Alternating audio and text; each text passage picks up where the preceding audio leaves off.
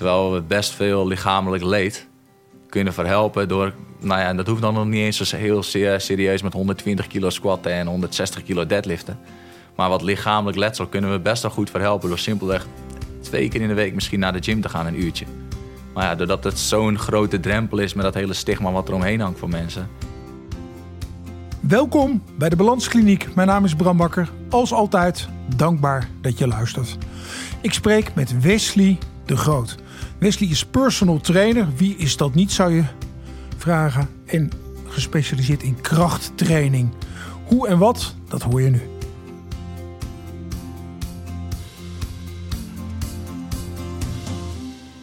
Wesley, jij bent personal trainer.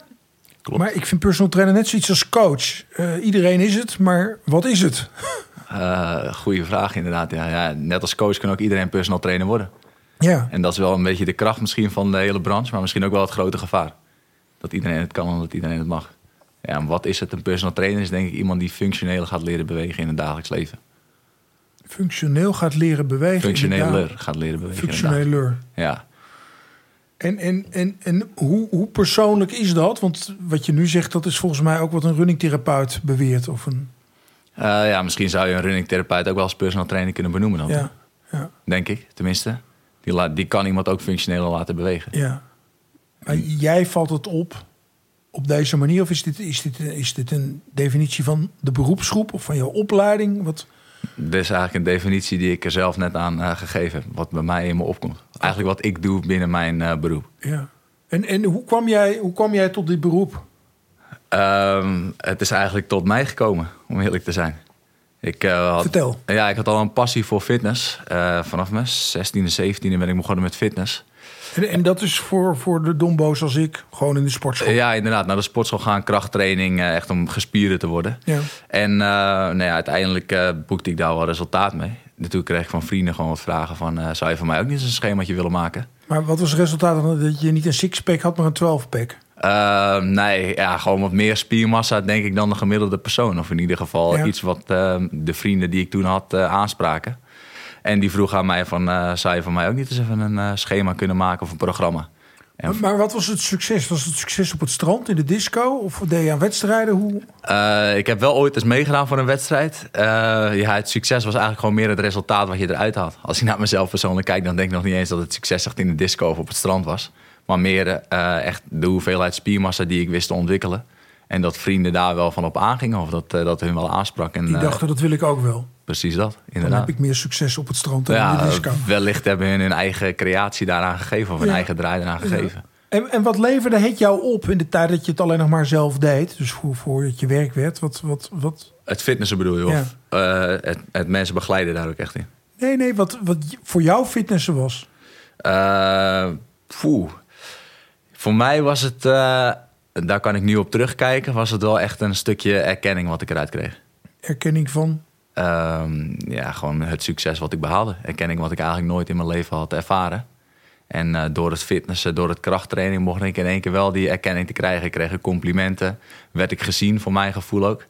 Dat waren voor mij wel echt de drijfveren, maar zo kijk ik er nu op terug. Toen was het gewoon meer een sport waar ik mijn ei in kwijt kon en waar ik eh, ja, echt mijn ziel en zaligheid in, eh, in terecht kon. Maar je, je was, je was in, in psychologenjargon, ik, ik kom uit die hoek, sorry.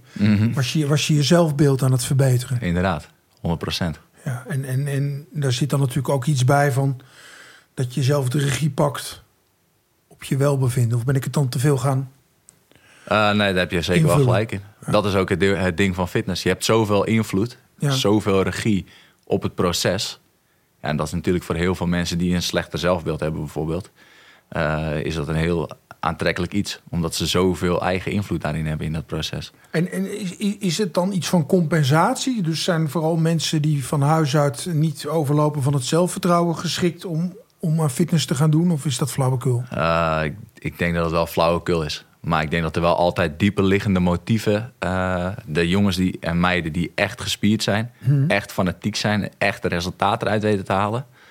die hebben eigenlijk wel dieper liggende motieven... waarvan eh, een slechter zelfbeeld er wel eentje kan zijn. Maar dan kunnen we natuurlijk ook nog wel verder de diepte in gaan... over eh, dingen die jij bijvoorbeeld tegenkomt. Nee, of wij een boek dat- over dat- geschreven dat- hebben. Bepaalde dat- trauma's bijvoorbeeld kunnen dat- daar ook wel eh, Dat onderliggend in zijn. mag. Ehm, we zitten eigenlijk op de vraag: is, is, is, is fanatiek fitnessen, is dat compensatiegedrag? Of, of is dat neutraal? Uh, ik zie het zelf wel vaak als compensatiegedrag. Ja, en, en dat is ook niet erg, hè? Nee, nee, nee zeker niet. 100% niet. En, en hoe um, moet je het, is er een onderhoudsbehandeling vereist? Of ben je nu zover dat je kan zeggen, na al die jaren zelf fitnessen, uh, is Wesley wel wat overtuigder van zichzelf? Uh, ik ben wel een stuk overtuigder van mezelf. Maar je komt ook steeds alweer op nieuwe diepe lagen van jezelf... waarin die overtuiging weer wat, uh, wat minder is, zeg maar. Maar ik heb nu niet meer die groot... of ik heb fitness niet meer echt nodig. En het resultaat dat ik eruit haal om mezelf goed te kunnen voelen over mezelf. Oké. Maar dat is ook wel een proces waar ik de afgelopen paar jaar bijvoorbeeld in ben terechtgekomen. Want tweeënhalf, twee jaar terug had ik dat nog niet echt over mezelf kunnen zeggen. Toen had ik het fitness nog wel echt nodig. Ja. En, en heb je even goed het idee, ik, moet, ik, ik heb zeg maar een onderhoudsbehandeling hardlopen nodig. Ja. Dat dat bij fitness net zo werkt? Of zeg je nou, op een gegeven moment kan het ook zijn dat je gewoon klaar mee bent en dan kan je, kan je weer gaan vissen en klaar voor jassen? Kan bijvoorbeeld ook. Maar dat ligt echt aan de persoon. Het ligt ook een beetje aan wat je eruit haalt natuurlijk. En wat je op een gegeven moment uh, misschien uh, ook uit andere dingen kunt gaan halen. Kijk, als jij op een gegeven moment nog een bepaalde rust... of het alleen nog maar doet voor een bepaalde rust of ontspanning... en je ontdekt dat vissen misschien nog meer ontspanning kan geven... ja, zulke soort type personen die zullen er uh, misschien wat sneller uitraken. Ja. Maar als jij het doet om echt energiek je dagen door te komen... en jij kan op een bepaalde manier echt nog waarde eruit halen... die je niet op andere fronten eruit mm -hmm. kan halen... Mm -hmm. ja, dan blijft fitness blijft wel een onderdeel van je leven. Ja. Maar voor de spiermassa zelf, daar zul je altijd wel een onderhoudsbehandeling ja. voor nodig hebben. Want als je stopt, dan if you don't use it, you lose it. Ja, en dan, dan uh, dreigt vervetting en dan... Uh, ja, kan, tenzij je natuurlijk in gaat ruilen voor een andere sport... en je je lichaamsbeweging wel gewoon op peil houdt. Ja. Dan blijft het wel doorgaan. Ja. En, en, wat is voor jou onderhoud? Uh, op dit moment doe ik nog twee keer krachttraining in de week. En uh, ja, dan komen we misschien best wel technisch uh, in de technische dingen. Maar onderhoud is eigenlijk een minimum aan nou ja, training. Wat je, je, waar je je lichaam aan bloot wil stellen. Ja. Om ervoor te zorgen dat de spiermassa die je hebt, dat die dan op peil blijft. Ja. Ja, voor mij op dit moment is dat uh, twee krachttrainingssessies in de week. Met nou ja, een x aantal setjes voor bepaalde oefeningen en bepaalde spieren. Om ervoor te zorgen dat de massa die ik heb, dat die nog op peil blijft. En, en kan je dat precies uitrekenen? Uh, nou ja, dat hoef je niet per se uit te rekenen. Onderzoek heeft dat wel een beetje uitgezocht. Dat uh, nou ja, als je met minimaal aan iets van vier setjes per week... Ja. dan kun je de spiermassa die je hebt, kun je gewoon prima onderhouden. Ja. Is, is er veel wetenschap rond fitness? Ik, ik, ik, ik weet het helemaal niet. Ja, er is wel aardig wat wetenschap. Zeker als je vergelijkt in de afgelopen jaren is er best veel wetenschap bijgekomen. Zoals Arnold, ja, die heeft altijd een beetje op zijn eigen gevoel getraind. Wat best wel knap is. Want veel dingen die Welke hij... Arnold? Arnold Schwarzenegger. De Schwarzenegger. Ja, de Arnold Schwarzenegger ja, goed, inderdaad. Er zijn mensen die zijn te jong om Arnold Schwarzenegger Ja, te kennen. wellicht ook inderdaad. Ja. Ja. of mensen die natuurlijk totaal niet in de wereld uh, thuis zijn. Maar uh, ja, Arnold Schwarzenegger die deed het heel veel op gevoel. Maar heel veel dingen die hij wel toepaste... is later wel met onderzoek naar voren gekomen dat het wel werkt. Dus, uh, maar er is zeker wel wat onderzoek op het gebied van fitness... Het enige nadeel aan het onderzoek op het gebied van fitness is... Uh, ja, er zijn weinig belangenorganisaties die er, die er echt nut bij hebben... dat er ontdekt wordt hoe je meer spiermassa kunt ontwikkelen. Ja, dus de financiering van het onderzoek is altijd een teerpuntje. Precies, dat Ja. inderdaad. Ja. En wat Ja. natuurlijk ook wel weer effect kan hebben... Hè, kan, hoeft niet, maar op de kwaliteit van het onderzoek. Want als iemand het financiert Ja. en die heeft belang bij een bepaalde uitkomst... Ja, dan weet je natuurlijk zelf wel welke uitkomst eruit gaat rollen uit Ja, de producent van een bepaald apparaat kan onderzoek Zo, zoiets ja. bijvoorbeeld. Alhoewel op zich bij binnen de, eh, het echte krachttraining gedeelte dat minder het geval is. Maar als je dan wat meer kijkt richting het voedingsgedeelte, daar kan dat natuurlijk wel meer het geval zijn. Als we wel bijvoorbeeld kijken naar de graanlobby, daar wordt best wel wat geld ingestoken door. eh, De graanlobby. ja, dat ehm, producenten van koekjes, bijvoorbeeld brood, eh, cereal, ontbijtgranen, Ja. die zijn best wel gebaat bij positief onderzoek voor hun producten. En vandaar dat er door zulke soort bedrijven het een en ander wordt geïnvesteerd in eh, onderzoek naar hun producten of naar de, eh, het effect van bijvoorbeeld koolhydraten. Ja. Waar dan best positieve resultaten uitkomen voor zulke soort producten, omdat het gefinancierd is. Ja, en he- heb jij als personal trainer veel met voeding te maken? Eh, ja, Ja? ja, het is het deel van het resultaat. Wat jij in de gym doet, dat is een prikkel.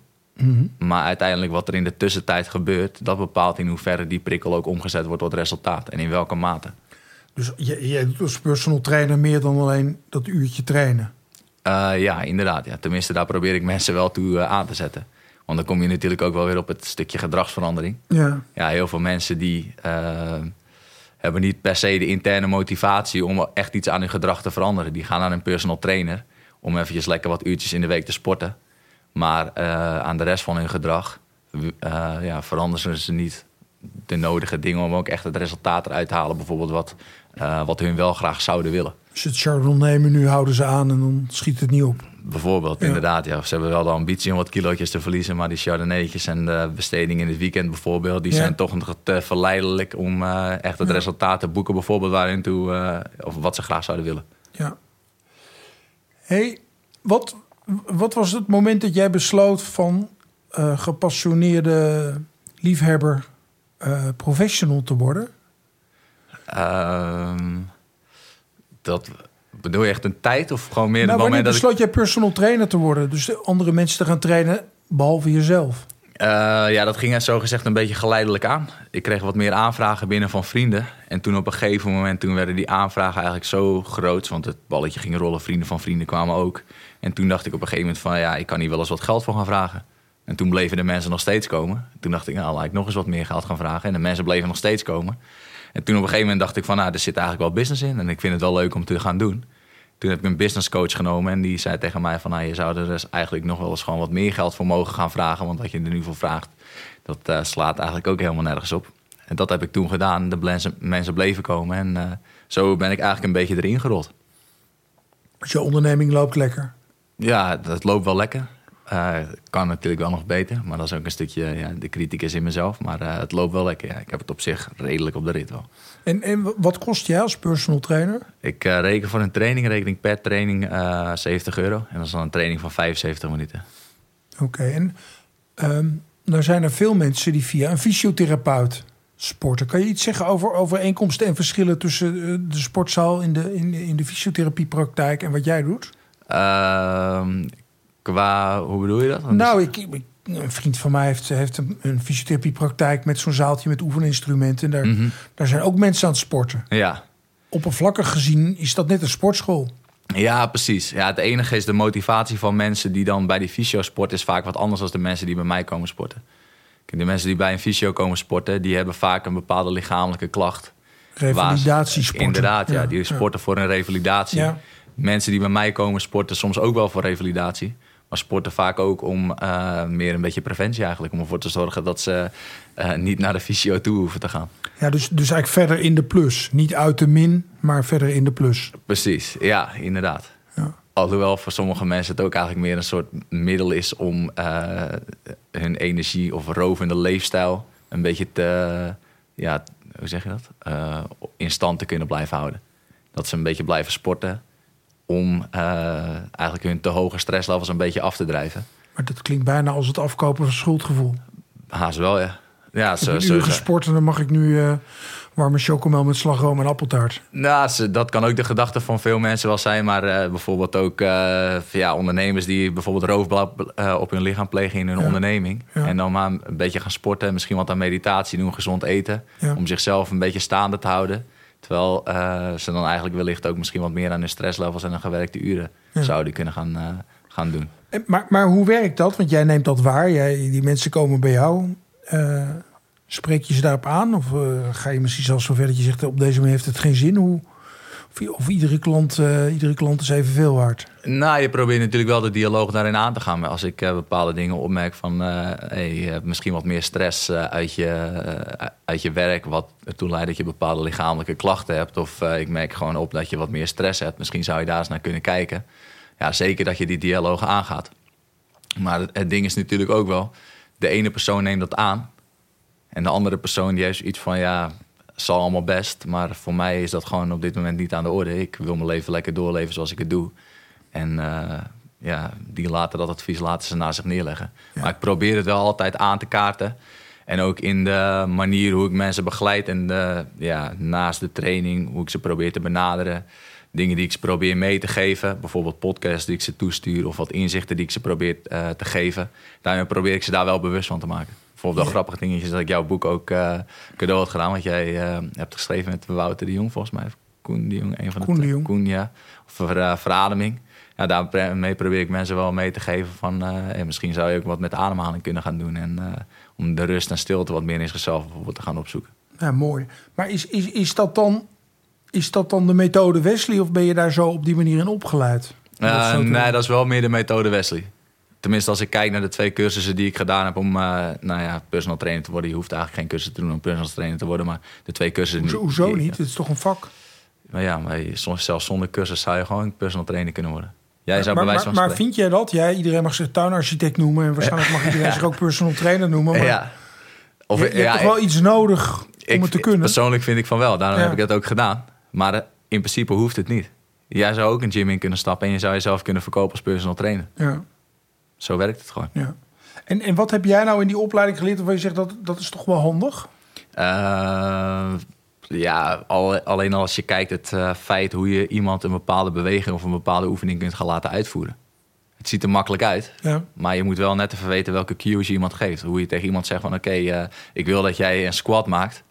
Maar hoe, maar hoe ga jij iemand uitleggen die nog nooit in een squat heeft gezeten, hoe diegene een squat gaat maken? ja. Zulke soort dingen is natuurlijk wel echt handige informatie om daarin eh, te leren. Maar bijvoorbeeld ook een stukje eh, leefstijl. Wat zijn echt eh, goede basisvoorwaarden om jezelf aan te houden qua leefstijl. Om een beetje gezond voor jezelf te zorgen. En, en dat heb je in die opleiding geleerd? Dat leer je onder andere in die opleiding. Ja, dat gaat het, eh, een van die opleidingen die ik dan bijvoorbeeld gedaan heb, gaat ook nog wel een heel stuk dieper. Dat je bijvoorbeeld echt krachtsporters gaat leren om af te vallen en te bulken. Om op die manier ook wat meer spiermassa te gaan ontwikkelen. Hoe je trainingsprogramma's schrijft voor iemand om spiermassa te gaan ontwikkelen.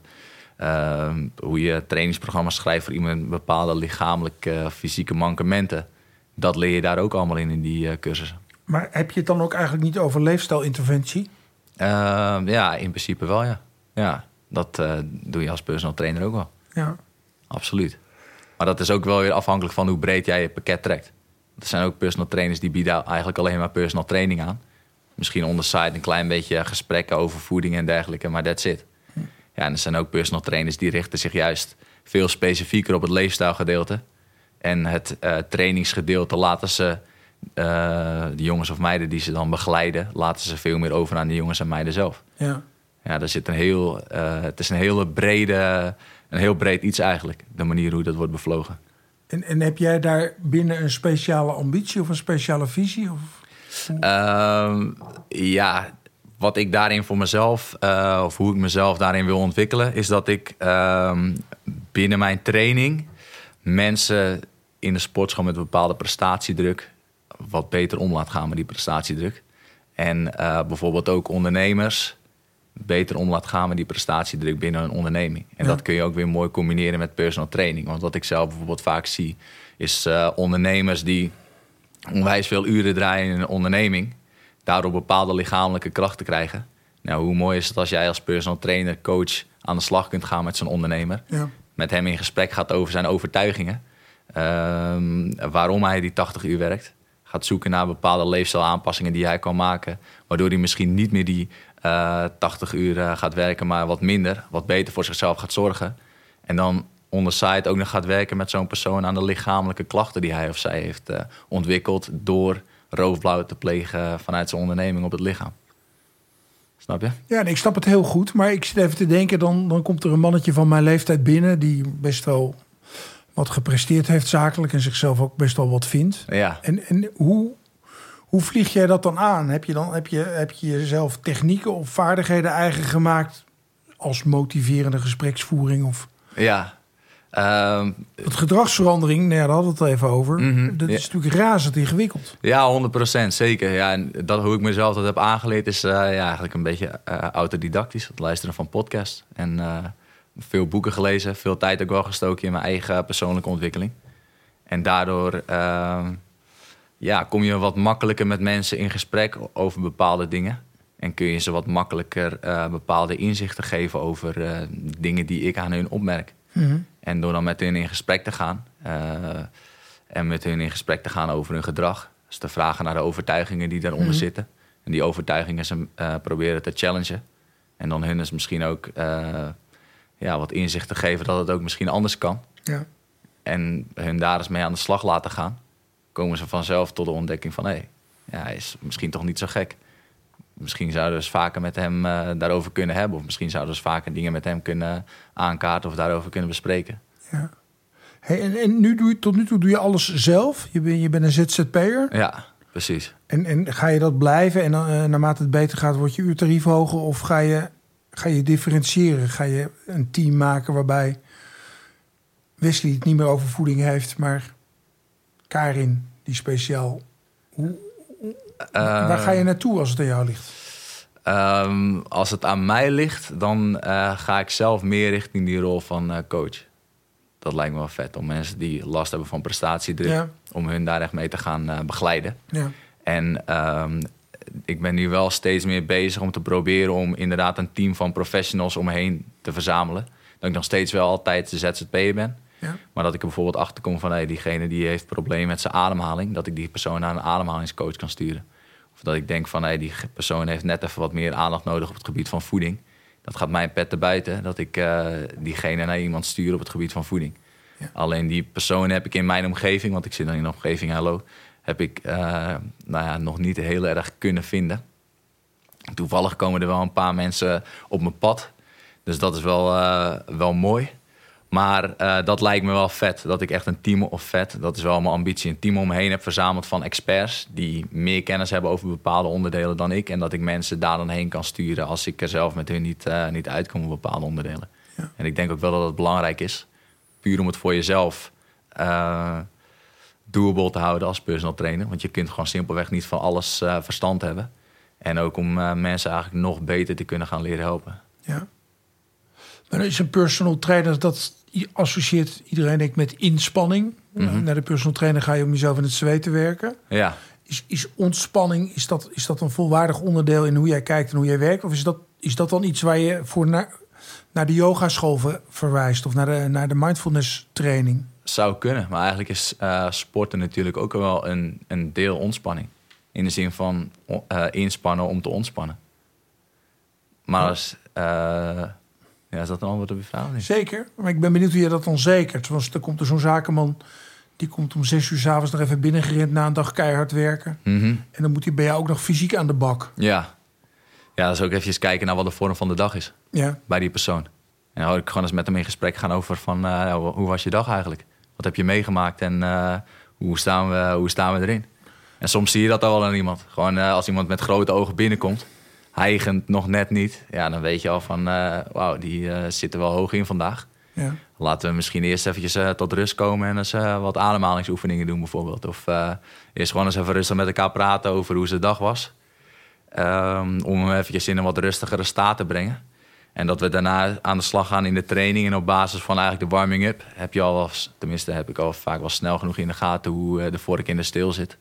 En wat een goed plan van aanpak is voor die dag. Maar dat, dat is eigenlijk je timmermans oog. dat je Eh, mensen goed kan lezen. Ja, die- door ervaring leer je dat wel. Ja. Ja, Timmermans oog kan je het dan noemen. Gewoon een stukje ervaring, ja. Want waarschijnlijk heb je veel klanten best lang. Ehm, het verschilt wel. Ligt eraan. Eh, sommige ondernemers bijvoorbeeld, merk ik, die zijn eh, ja, gewoon wat makkelijker in het geld. En die blijven vaak wat langer dan particulieren. I- Is, heb je een product of zo? In de zin van je, je koopt tien keer en dat is het? Of is het altijd maatwerk? Ehm, nee, ik eh, bied coaching, maar dat is dan echt wat meer voor eh, jongens, meiden die zelf al meer in de gym aan de slag zijn en daar wat ondersteuning bij willen Ja. gebruiken. En ik bied dan personal training. En die personal training sessies nemen ze eigenlijk gewoon per keer nemen ze dat af. Ik bied daar nog geen eh, pakket aan. is trouwens ook wel iets waar ik wel mee, eh, meer mee aan de slag wil gaan. Met echt het bieden van eh, pakketten, maatwerkoplossing daarin. Ehm, maar eigenlijk zijn dat een beetje de smaken die ik aanbied. Losse personal training sessies en dan eh, de coaching. En, en is, is wat je dan week in week uit doet altijd verschillend voor iedereen? Of kan je zeggen, ja, de eerste acht of tien keer doe ik wel een beetje dezelfde dingen? Ehm, het verschilt eigenlijk per persoon wat ik doe. Maar je doet eigenlijk wel voor langere tijd hetzelfde met één, met één persoon. Ja. En waarom? Want je wilt het lichaam leren adapteren. Of je wilt bepaalde adaptaties teweeg brengen in het Bewegingen lichaam. inslijpen. Precies. En vanuit eh, die door het vaker te doen, herhaalt iemand. En komen die bewegingen er beter in. En maakt iemand de gewenste adapta- adaptaties. Dan zou je steeds wisselen met iemand van programma. Ja, Dan maakt zo'n persoon veel minder snel adaptaties. ja. En binnen dat programma wat je met die persoon doet, zijn er natuurlijk nog wel variabelen waar je op kunt bijstellen. Zoals ik al zeg, als, als je merkt dat iemand uh, best vermoeid is, best wel stress gehad heeft, kun je bijvoorbeeld de training wat inkorten door uh, wat minder oefeningen te doen van het programma of uh, wat minder sets. Ja. Of je pakt wat minder gewicht voor die training. Ja. Of je houdt het gewicht hetzelfde als de voorgaande training. Je houdt de herhalingen hetzelfde als de voorgaande training. En je, ja, je blijft gewoon eventjes op dat niveau van die voorgaande training dan, zeg maar. Maar schrijf je ook iedere keer op wat je doet? Ja, ik hou dat bij altijd, ja. Oké. Ja, want dan heb je wel even een referentiekader. Want uiteindelijk is dat wel het plan. Om een lichaam te, uh, uh, te laten adapteren, is het wel zaak dat het lichaam steeds onder meer stress wordt geplaatst. Ja. Nou ja, wat is daar een handige toe? Of meer herhalingen, of meer sets, of meer uh, gewicht. En dat is wel handig als je weet van, oh ja, bij deze klant dan, die hadden we vorige keer dat gedaan. Want van, ik kan het niet van iedereen onthouden, logischerwijs. Ja. hey, en dat is ook zo'n vraag die altijd voorbij komt, nu ook weer. En wat is belangrijker, het gewicht of het aantal herhalingen? De kwaliteit van bewegen. De kwaliteit van bewegen is altijd leidend. Hoe goed jij in staat bent om een oefening uit te voeren. Dus de uitvoering is dat? Ja, precies. Ja. En des te beter die uitvoering is, des te beter ook, of des te meer gewicht en des te meer herhalingen je, uit, je aan kunt. Maar kijk je dan eigenlijk ook een beetje als een turnjury die, die, die een cijfer geeft voor hoe je die balk hebt gedaan? Uh, ja, daar kun je het soms wel op neer laten komen. Maar dat is ook wel een van mijn gevaren, dat ik soms te, te streng kan zijn daarin. Ja. Uh, en te veel bezig ben nog met die uh, techniek. Ja. Alhoewel dat natuurlijk wel een belangrijke variabele is. Hè, maar soms kan ik daar zelf nog wel een klein beetje in, in doorslaan. Maar het, inderdaad, je kunt dat wel stellen. Ja, dat je eigenlijk soort, soms gewoon meer een soort turnjury bent. En ervoor zorgt dat iemand inderdaad uh, je beoordeelt iemand op zijn techniek en op basis daarvan maak je, maak je weer keuzes in gewicht. Uh, kun je keuzes maken in herhalingen.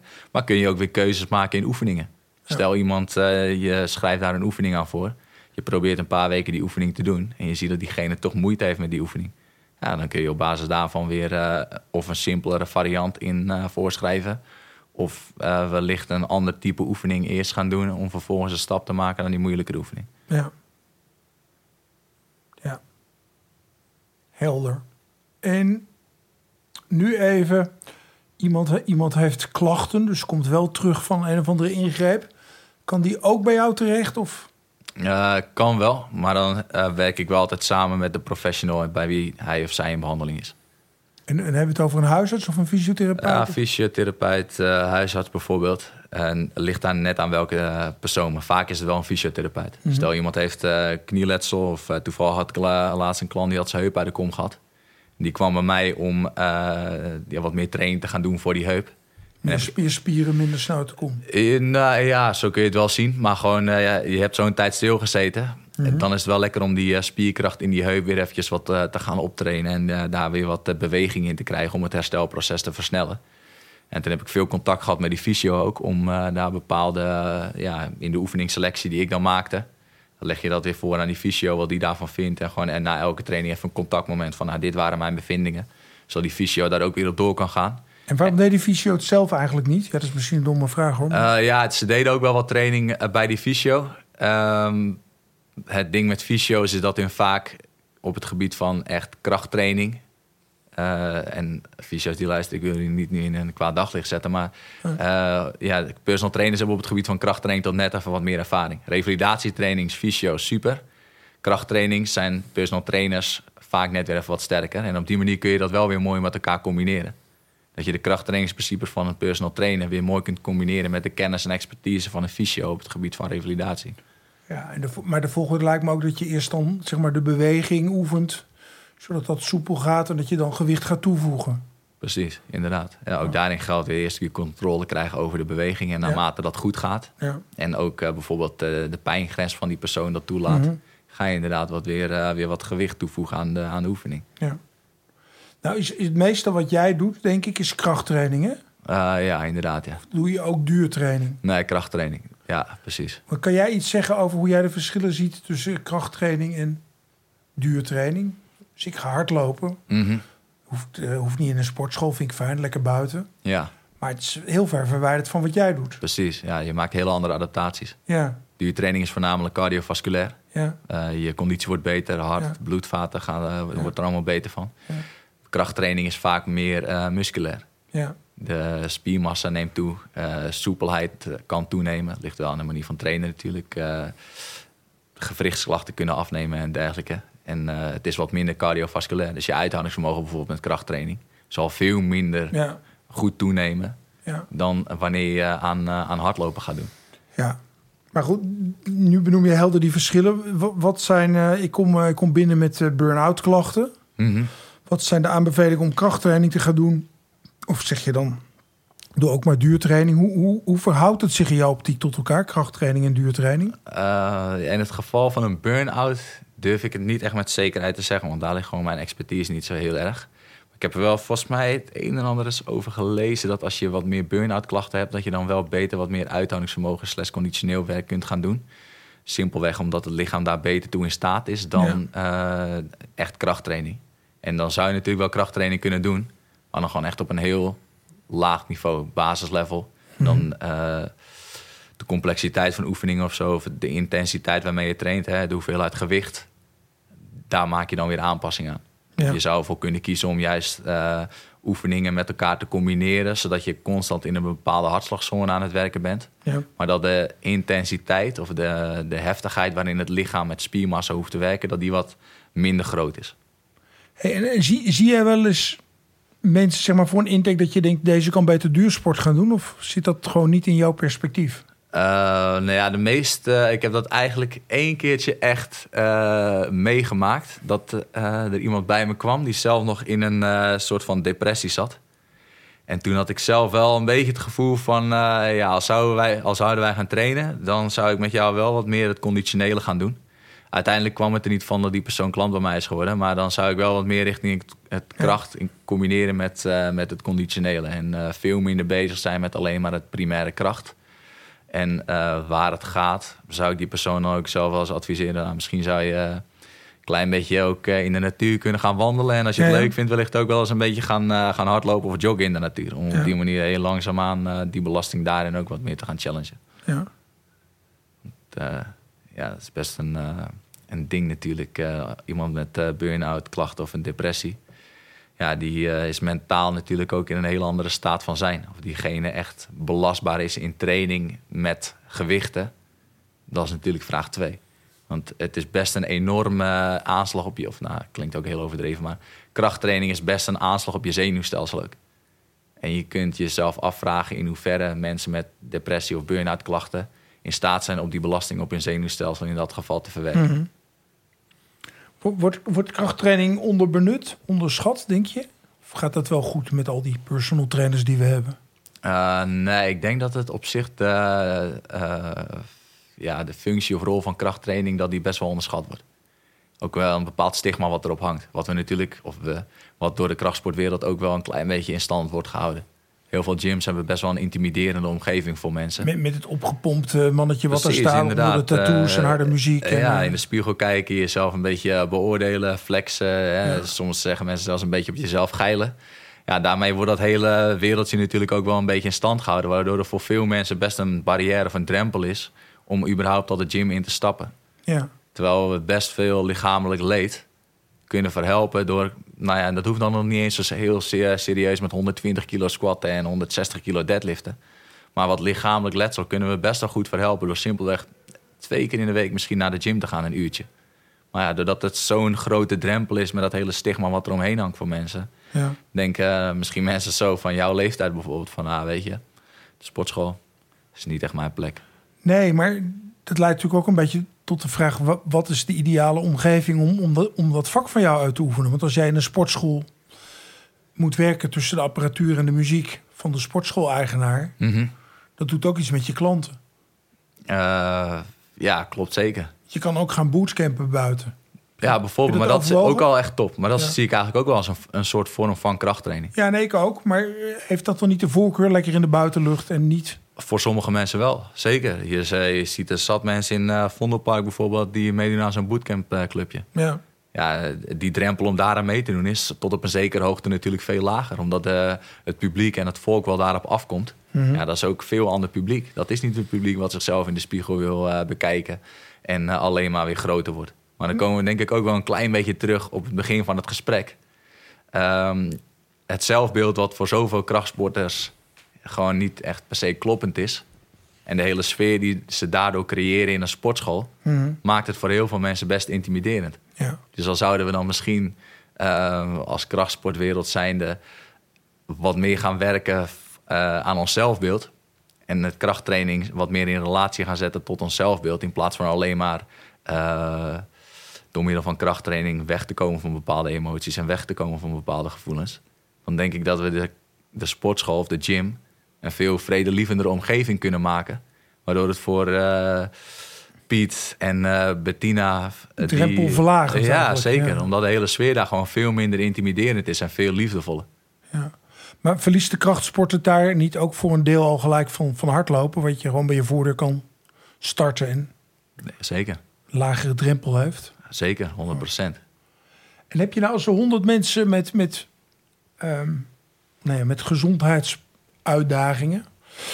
Als die nou random verdelen over 50% die gaat duursporten en 50% die gaat kracht trainen. Denk jij dat er dan veel verschil is qua uitkomst in, in hoe je je voelt? Is er een voorkeur voor een van die twee richtingen? Ja, dan ga je dat ligt echt aan de basis of de motivatie waarom iemand daarmee start. Maar ik denk als zouden ze gewoon helemaal geen, geen psychische problemen hebben. Ze zijn gewoon machines of robots. Ja.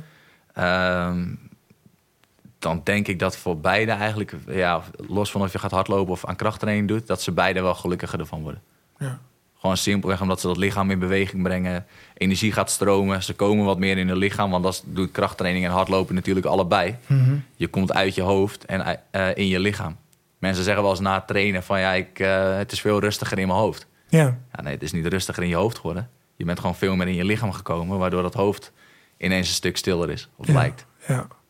Maar cool, kijk, hard, hardlopen inzetten om je beter te voelen, dat noemen we runningtherapie. Mhm. Zou er dan een aanduiding moeten komen, of misschien is hij er al, maar ik ken hem niet, over krachttraining als therapeutisch middel? Ja, ik, ik denk dat dat zeker wel zou kunnen. Oh. Absoluut. En dan kom je misschien wel ook wat meer in een soort van mindfulness-achtige... Tenminste, daar denk ik dan meteen aan. Ja. Een soort mindfulness-achtige manier van krachttraining... Wanneer, waarin je eh, nou, een beetje yoga-achtig met gewicht aan het trainen bent... Mhm. en je gedachten dan heel erg probeert te verplaatsen... in de spieren die jij aan het trainen bent... en echt daardoor heel erg in je lichaam komt... en ook weer uit je hoofd kunt komen. Op die manier daag je jezelf uit... Maar bestaat zoiets, of is dit hoe jij nu even Nee, dat schiet echt zomaar ineens binnen. Het bestaat nog niet.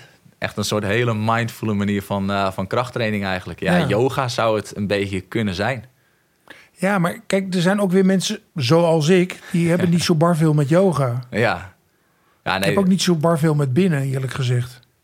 ja nee, voor zulke soort mensen zou dan misschien een hele mindfulle manier van eh, bootcamp-achtige training... of misschien eh, krachttraining in de buitenlucht... Mhm. zou ook gelijke effecten kunnen teweegbrengen als het hardlopen bijvoorbeeld. Ja.